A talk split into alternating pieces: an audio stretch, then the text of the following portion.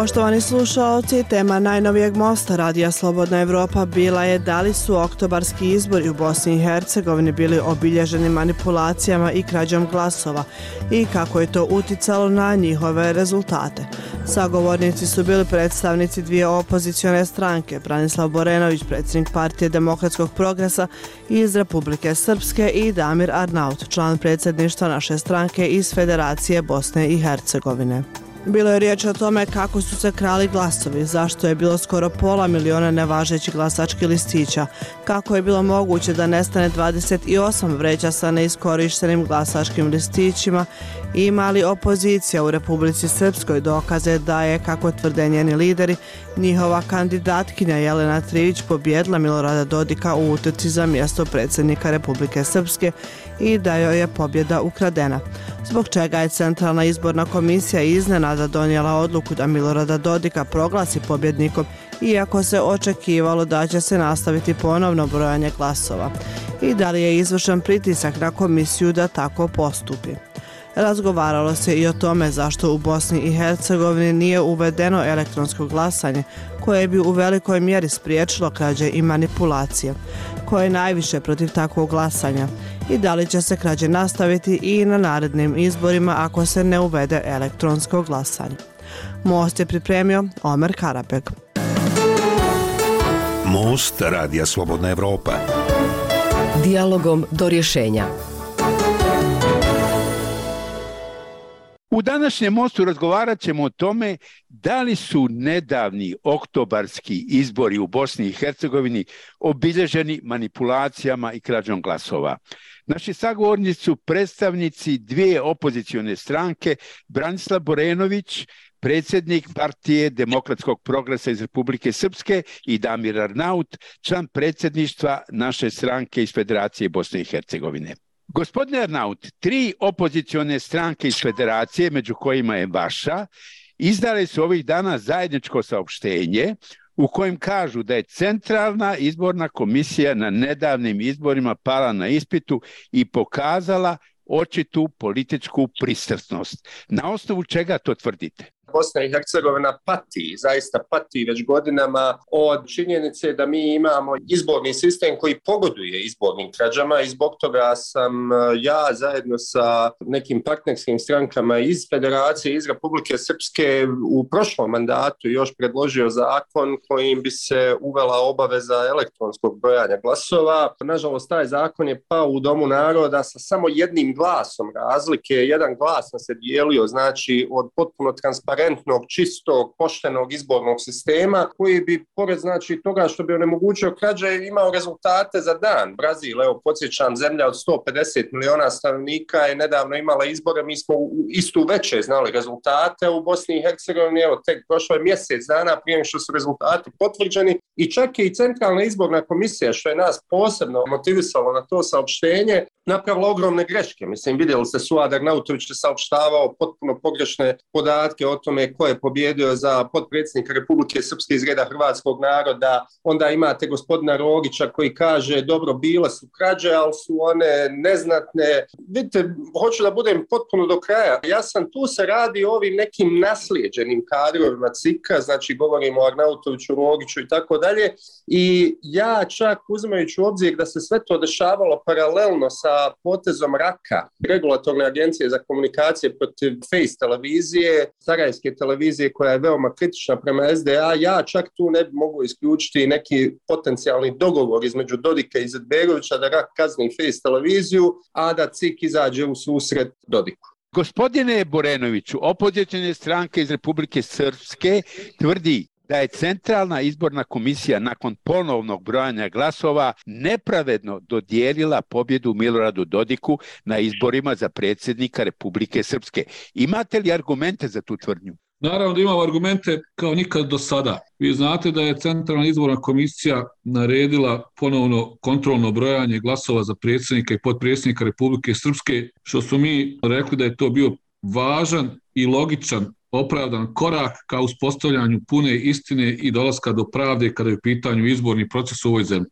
Međutim, nakon tog ponovno kontrolnog brojanja na kojem je uočeno na desetine hiljada neregularnosti kada su pitanje glasački listići, znači desetine hiljada glasova koji su bili kontaminirani ili ih je nestalo, ne mogu se pronaći, Centralna izborna komisija je naprasno stala umjesto da nastavi sa sljedećim koracima koji su očekivani bili i od strane javnosti, Centralna izborna komisija odlučila da stane i da zvanično ne saopštava svoj izvještaj o kontrolnom brojanju, nego da bukvalno izađe iz tog procesa na način da verifikuje mandate predsjedniku i podpredsjednica Republike Srpske na jedan vrlo čudan i kontroverzan način. A ono što je vrlo važno, mi smo došli do podataka sa kontrolnog brojanja kroz rad naših posmatrača, ali i kroz određenu dokumentaciju koju, nažalost, Centralna izborna komisija još uvijek nije saopštila ili objavila, u kojoj smo došli do neverovatnih činjenica. Ja ću napomenuti samo neke od njih, koje su dokazane kontrolnim ponovnim brojanjem. Nevjerovato je da je 9326 glasačkih listića razlika između kontrolisanog i ukupno zaduženog izbornog materijala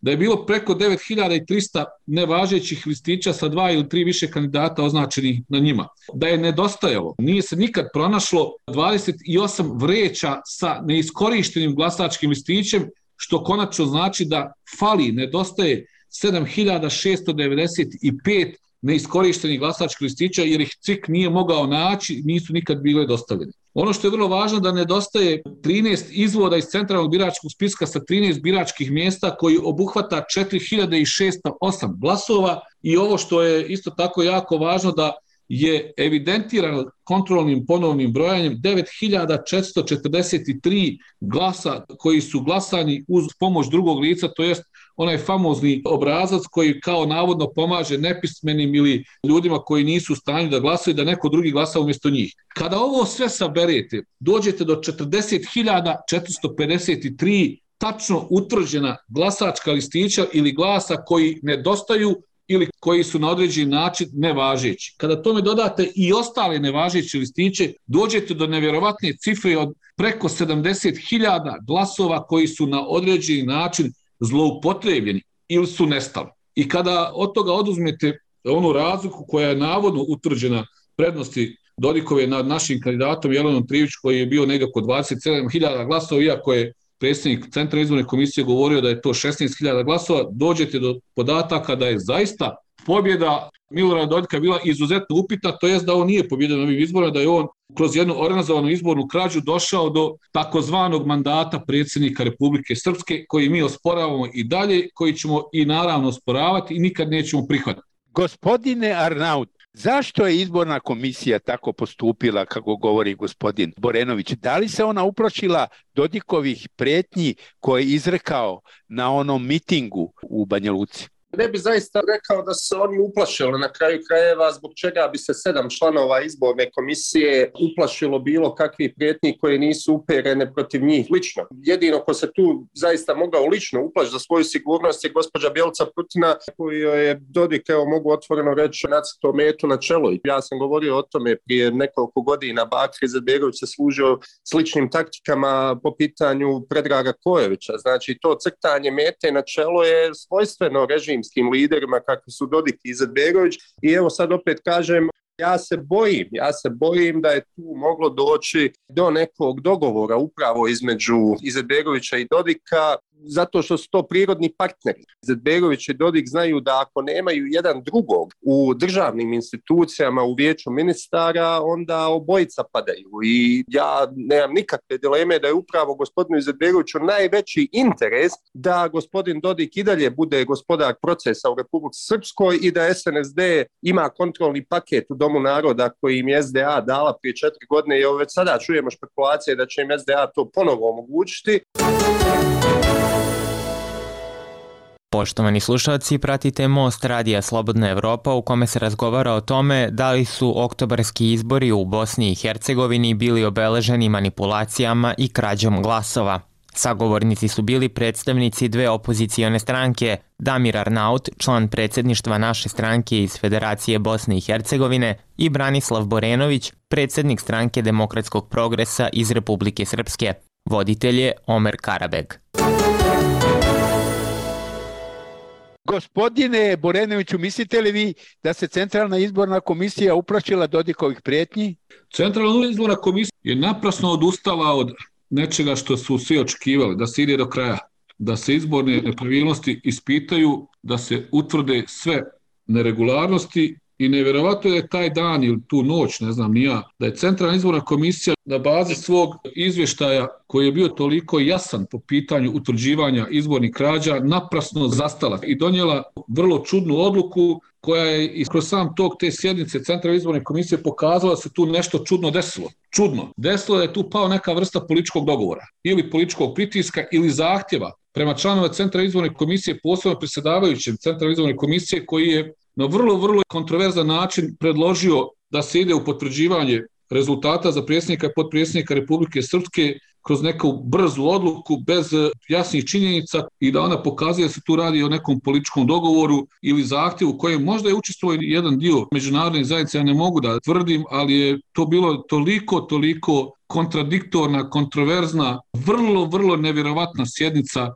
Centralne izborne komisije i sva javnost, pošto je bio javni prenos, je mogla da vidi da se ovde radi o nekoj vrsti nagodbe između političkih struktura u kojoj je Centralna izborna komisija morala da posluša neke centre moći, političke ili neke druge, ne znam, ali zašto je odustala od nečega što je toliko bilo očigledno, to je pitanje verovato za njih i mi ćemo tražiti da se odgovor na to pitanje dobije kad tad. Da li se prepala Centralna izborna komisija, to me apsolutno ne interesuje. Vidimo da je Centralna izborna komisija donijela pogrešnu odluku, da je povukla, što se kaže narodskim riječnikom, ručnu, da je zastala u jednom procesu u kojem se trebalo ići do kraja, jer to je pitanje i budućnosti ove zemlje i da li će se uopšte moći e, uspostaviti neka vrsta pravjednog uređenja u ovom društvu. Gospodine Arnaut, u vašem saopštenju se kaže da je 15.000 glasova netačno pripisano Miloradu Dodiku. Ko je to utvrdio? Pazite, svaka stranka ima svoje posmatrače, ima svoje članove biračkih odbora i mi smo se tu oslonili na one podatke koji su dolazili iz Republike Srpske i koji su apsolutno neupitni.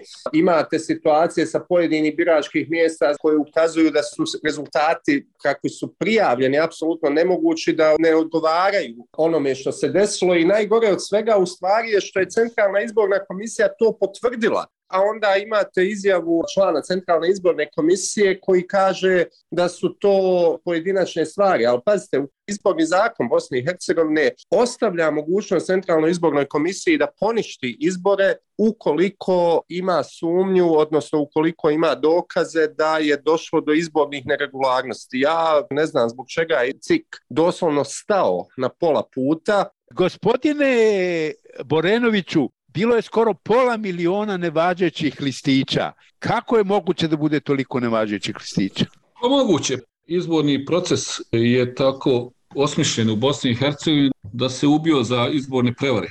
Za one koji hoće da kradu nema boljeg plodnog tla za izborne krađe od ovog u Bosni i Hercegovini. Način kako se to broje kroz biračke odbore, način kako se prijavljuju politički subjekti, da možete da budete nezavisni kandidat, da se nikad ne pojavite na bilo koje medije, niko za vas ne zna da imate istu kvotu u biračkim odborima, s tim trgujete i date šansu vladajućim strankama da kroz tu kontrolu biračkih odbora potpuno kontrolišu birački proces, pokazuje u suštini da je moguće urašta god hoćete. Izborna noć ili izborno jutro pojede stotine hiljada glasačkih listića, da li kroz činjenicu da ih je neko namjerno učinio nevažećim, da li kroz činjenicu da ih je sklonio i ubacio neiskorištene glasačke listiće u konačni rezultat, da li kroz činjenicu da je neko dopisao glasove pojedinca, da li moguće da recimo od 450 izašlih birača na neko biračko mjesto u nekom selu u kojem, gled čuda, je izlaznost bila 95%, što je nevjerovatno, da 90% glasova dobije recimo SNSD da njihov kandidat dobije svih 400, ne znam, 15 glasova na tom biračkom mjestu, to je dobije 100% ličnih glasova. Imam osjećaj da zaista i Centra izborna komisija, ali vidim ni pravosuđe u Bosni i Hercegovini, pa vidim da i međunarodna zajednica ne žele da se ova pandorna kutija otvori do kraja. Da li imaju strah od pune istine? Od istine koja će pokazati da je godinama da se u ovoj zemlji kralo na izborima i da se kroz tu izbornu krađu verifikovala neka vrsta korupcije. Jer vi ako dozvolite izbornoj korupciji da dobije svoj legal legalitet, legitimitet, vi ste onda uveli korupciju kao pravilo ili model ponašanje i u zdravstvo sutra, i u prosvjetu, i u vladne institucije, i u policiju, i u sve druge institucije, I to je nešto što je, ja mislim, prouzrokovalo tako loše, katastrofalne rezultate u Bosni i Hercegovini. Stotine hiljada ljudi koji su otišli iz ove zemlje, pojedince iz vlasti koji se toliko bahato i primitivno ponašaju da sebi povećavaju budžet za ne znam nija pet puta, da recimo evo takozvani predsjednik Republike Srpske Milorad Dodik sebi povećava budžet na 56 miliona konvertibilara, kad to nemaju šeici, to nemaju sultani to nemaju plemenske vođe u nekim afričkim zemljama takvu vrstu bahatosti. Ali je to dobio zato što mi je Centralna izborna komisija zažmirila na oba oka, dozvolila da bude predsjednik Republike Srpske, iako je bilo evidentno da su pokradene desetine i desetine hiljada glasova birača u Republici Srpskoj, što su evo na neki način pokušali da amnestiraju svojom po meni vrlo, vrlo, vrlo kontroverznom i štetnom odlukom. Da li tu postala neka vrsta pritiska? Vjerovatno jeste. Gospodine Arnaut, kako vi tumačite činjenicu da je bilo skoro pola miliona nevažećih listića? Nema nikakve sumnje da se tu u ogromnoj mjeri radi o krađama. Recimo prije četiri godine Šefik Džaferović je pobjedio, de, pobjedio pod navodnicima Denisa Bečirovića za neki 18.000 glasova. Ja nemam nikakve sumnje da je Denis tada pobjedio Šefika Džaferovića, da je na dijelu bila jedna ogromna izborna krađa. Međutim, tad je bilo nekoliko kandidata i oni su mogli nakrast i nakrali su sasvim dovoljno da prođe Šefik Džaferović umjesto Denisa. Mi smo onda uzeli lekciju iz toga, ove godine se ujedinilo 11 političkih subjekata, ne zato što smo mislili da Denis ne može pobijediti samo sa podrškom trojke, znači naša stranka SDP i NIP, nego zato što smo bili svjesni da ukoliko bude više političkih subjekata, njima će biti lakše krasti. Pa znate šta znači za SDA to što je sada Bakir Izetbegović pometen sa političke scene? Ista stvar bi se desila režimu u Republici Srpskoj da izborni rezultati reflektiraju ono što je bila volja građana Republike Srpske, a to je da Jelena Trivić bude predsjednica Republike Srpske, a ne Milorad Dodik. Gospodine Borenoviću, apelacioni sud je odbio vašu žalbu da se ponove izbori. Vi ste kritikovali tu odluku i rekli ste da nećete odustati od borbe protiv korupcije i kriminala. Kako mislite nastaviti tu borbu? Imate li neka pravna sredstva? Mi nećemo odustati. Nemojte imati dilemu. Nećemo odustati prije svega zbog građana, zbog naroda koji je zaista iskreno, zdušno podržao ovu našu borbu za istinu i borbu za pravdu. Mi smo podnijeli bili žalbu apelacijalne odjeljenju suda Bosne i Hercegovine na odluku Centra izbore komisije. Žalba je bila sa 300 i nešto stranica zaista toliko jasno dokumentovanih dokaza i pravnih osnova zašto treba poništiti odluku Centralne izborne komisije, ponoviti izbore u Republice Srpskoj u roku 14 dana kako je to definisano izbornim zakonom. Nažalost, apelacijono vijeće suda Bosne i Hercegovine je odbilo našu žalbu, iako ja imam osjećaj da oni ju nisu ni pročitali. Ja ću vjerovatno i objaviti imena tih sudija koji su bili članovi vijeća, apelacijom vijeća, da se bar zna imena ljudi koji su odbili žalbu koja je toliko potkovana, koji su radili, moram odmah reći, pravni timovi, vrhunski advokati, i iz Banja Luke i iz Bjeljnje, pa čak i iz Srčnog Stareva, koji su nama rekli kada su pravili ovu žalbu na bazi dokaza koji su mi njima dostavili od strane naših posmatrača, da su to toliko jaki, što se kaže, armirani beton pravni, kada je u pitanju sporavanja odluke CIKA. Međutim, očigledno je ta linija nezamjeranja tako jaka. Znate, što bi se sud sad zamjerio centra izborne komisije, što bi se otvaralo nešto što eto, može da uspori neku vrstu implementacije izbornih rezultata, nema veze što su oni na korupciji, na krađi, ali da se implementiraju.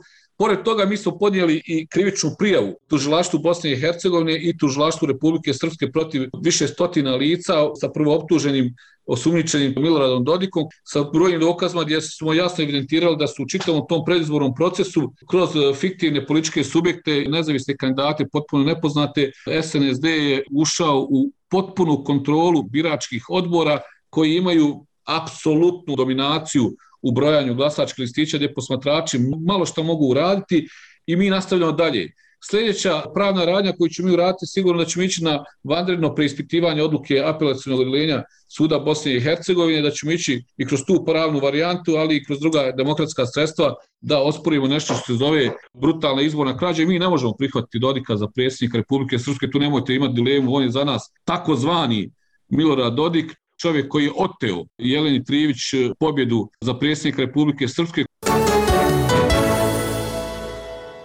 Poštovani slušalci, pratite Most Radija Slobodna Evropa u kome se razgovara o tome da li su oktobarski izbori u Bosni i Hercegovini bili obeleženi manipulacijama i krađom glasova. Sagovornici su bili predstavnici dve opozicione stranke, Branislav Borenović, predsjednik stranke Demokratskog progresa iz Republike Srpske i Damir Arnaut, član predsjedništva naše stranke iz Federacije Bosne i Hercegovine. Voditelj je Omer Karabeg. E, gospodine Arnaut, po vama, da li je apelacioni sud stavio tačku na rezultate ovogodišnjih izbora ili postoje i dalje neki pravni postupci? Formalno pravno gledajući ne postoje nikakvi pravni postupci. Ja nemam nikakve dileme da sud Bosne i Hercegovine sa apelacijone vijeće vjerojatno nije ni pročitalo tu predstavku jer ja sam imao kao pravni ekspert naše stranke nekoliko izuzetno utemeljenih žalbi, odnosno apelacija prema tom apelacijonom odjelu i njihovo obrazloženje koje doslovno ponavlja ono što je CIK napisao u svom podnesku, meni pokazuje da niko ne čita te apelacije, a to nas onda onda vraća na onu reformu pravosuđa o kojoj su opozicije iz Republike Srpske i Federacije govorile zadnjih dvije godine, da imamo pravosuđe koje je u raljama postojićih političkih moćnika, uključujući SDA, uključujući SNSD. Gospodine Borenoviću, mislite li vi onda da bi rješenje bilo u uvođenju elektronskog načina glasanja i kako do toga doći? Pa naravno, to je jedino rješenje. Rješenje koje je skoro pa prošlo, evo kako je rekao kolega Arnaut, e, prošao u predstavničkom domu, nedostaje jedan glas u domu naroda, uvođenje skeniranja glasačkih listića, ako to ima Brazil i druge zemlje koje imaju desetine miliona stanovnika, zašto to ne bi imala i Bosna i Hercegovina, skeniranje glasačkih listića, utvrđivanje glasačkog rezultata koji bi bilo odmah po zatvaranju biračkih mjesta sa mogućnostu ručne kontrole i provjere. Nakon toga i uvođenje video nadzora nad radom biračkih odbora, identifikacija birača, jer mi smo sad imali jednu nevjerojatnu situaciju da vi uopšte ne znate ko su ljudi koji dolaze s ličnom kartom i koji se registruje za glasanje, to samo zna onaj član biračkog odbora, ona jedna osoba koja uzma ličnu kartu, pa je bilo čak ovaj put zabranjeno glasno prozivanje imena i prezmena da mogu posmatrađa da zabilježe ko je uopšte došao na glasačko mjesto. Skeniranje glasačkih listića i ta vrsta elektronske identifikacije birača i naravno video nadzora na radom biračkih odbora bi u svakom slučaju iskorijenila skoro u potpunosti izbornu korupciju. Protiv toga je bio upravo SNSD, najveći protivnik uvođenja skeniranja glasačkih listića ili elektronskog modela glasanja protiv njega su bili upravo političke stranke predvođene SNSD-om, stranke koje u suštini i najviše kradu na izborima. I onda izvučite logičan zaključak. Zašto bi Lopov išao ka tome da skrati sebi mogućnost krađe, uvođenje nekih novih tehnologija koje će ga onemogućiti u krađi? Pa zamislite vi sada da neki, ne znam, nija lopov koji pljačka zlataru, dozvoli da budu kamere na, na toj zlataru. Po njemu odgovara da ih nema a ovo što su sad radili u centralnoj izborne komisije, oni su bukvalno rekli da, u redu, ovo jeste bila krađa, bilo je nepravilnosti, bilo je krađa, ali nije bilo toliko velika. Znate, malo se kralo, ali nije se puno kralo. Pa mislim, ne možete malo ili puno krasti, ili kraditi ili ne kraditi. Gospodin Arnaut, hoćete li vi nastaviti da se borite za uvođenje elektronskog glasanja?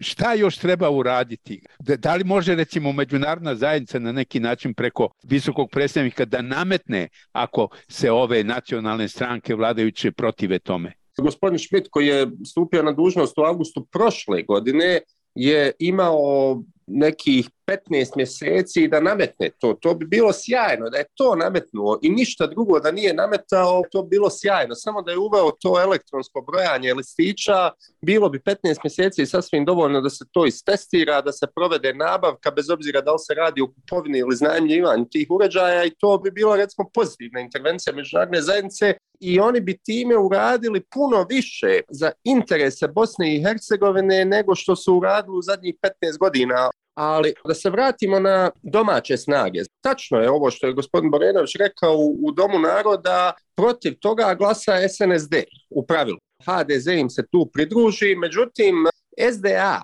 im da taj kontrolni paket. Prije četiri godine u Narodnoj skupštini Republike Srpske imali ste SDA poslanike, bošnjake, koji glasaju da delegat u Domu naroda iz Republike Srpske bude Dušanka Majkić, a ne Mladen Ivanić. Znači, imate SDA-ove poslanike u Narodnoj skupštini Republike Srpske koji glasaju za Dušanku Majkić umjesto Mladena Ivanića. Dušanka Majkić uđe u Dom naroda, glasa protiv elektronskog glasanja, glasa protiv ukidanja otpremnina. SDA baš ne može sebi dopustiti da glasa protiv nekih ovakvih prijedloga, a onda glasaju u Narodnoj skupštini Republike Srpske da Dodiku daju četvrtog delegata, da Dodiku daju kontrolni paket, Dodik onda obori sve ove zakone i SDA opere ruke od toga. Ja konstantno ponavljam, jednako su odgovorni i SDA i SNSD, jednako su odgovorni Bakir i Dodik, zato što jedan glasa protiv, a drugi mu omogući kontrolni paket da taj glas protiv u suštini promijeni rezultat. To je sistem spojenih posuda, to je simbiotička veza.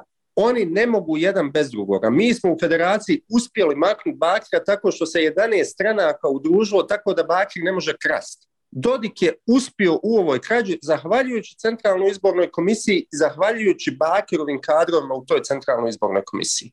I na kraju, gospodine Borenoviću, naredni lokalni izbori su za dvije godine. Mislite li da će se sve ovo ponoviti što se i sada ponovilo ako ne bude elektronsko glasanja? Pa naravno će se ponoviti, to je dovedeno do savršenstva svakom slučaju izbori će biti obesmišljeni. Biće zaista vrlo teško glasačima objasniti da izađu na izbore ako njihov glas zavisi od onih koji broje glasove, koji mogu da ga ponište, da ga izbace, da dopišu nekog drugog. I ako se nešto dramatično ne promijeni po pitanju uvođenja evo, ovih novih tehnologija i elektronskog načina glasanja, skeniranja glasačkih listića, i da prije svega i tužilaštvo i pravosuđe da kazni one koji su očigledno krali izbornu volju građana. Kazne su drakonske i do pet godina zatvora niko nije odgovarao do sada u ovoj zemlji, osim nekoliko simboličnih novčanih kazni koje uglavnom plaćaju oni koji organizuju te krađe, da će u stvari lokalni izbori biti potpuno dovedeni u pitanje, će biti besmisleno izlaz na njih jer nećete moći ništa konkretno uraditi. Malo je vremena ostalo, šta može uraditi međunarodna zajednica,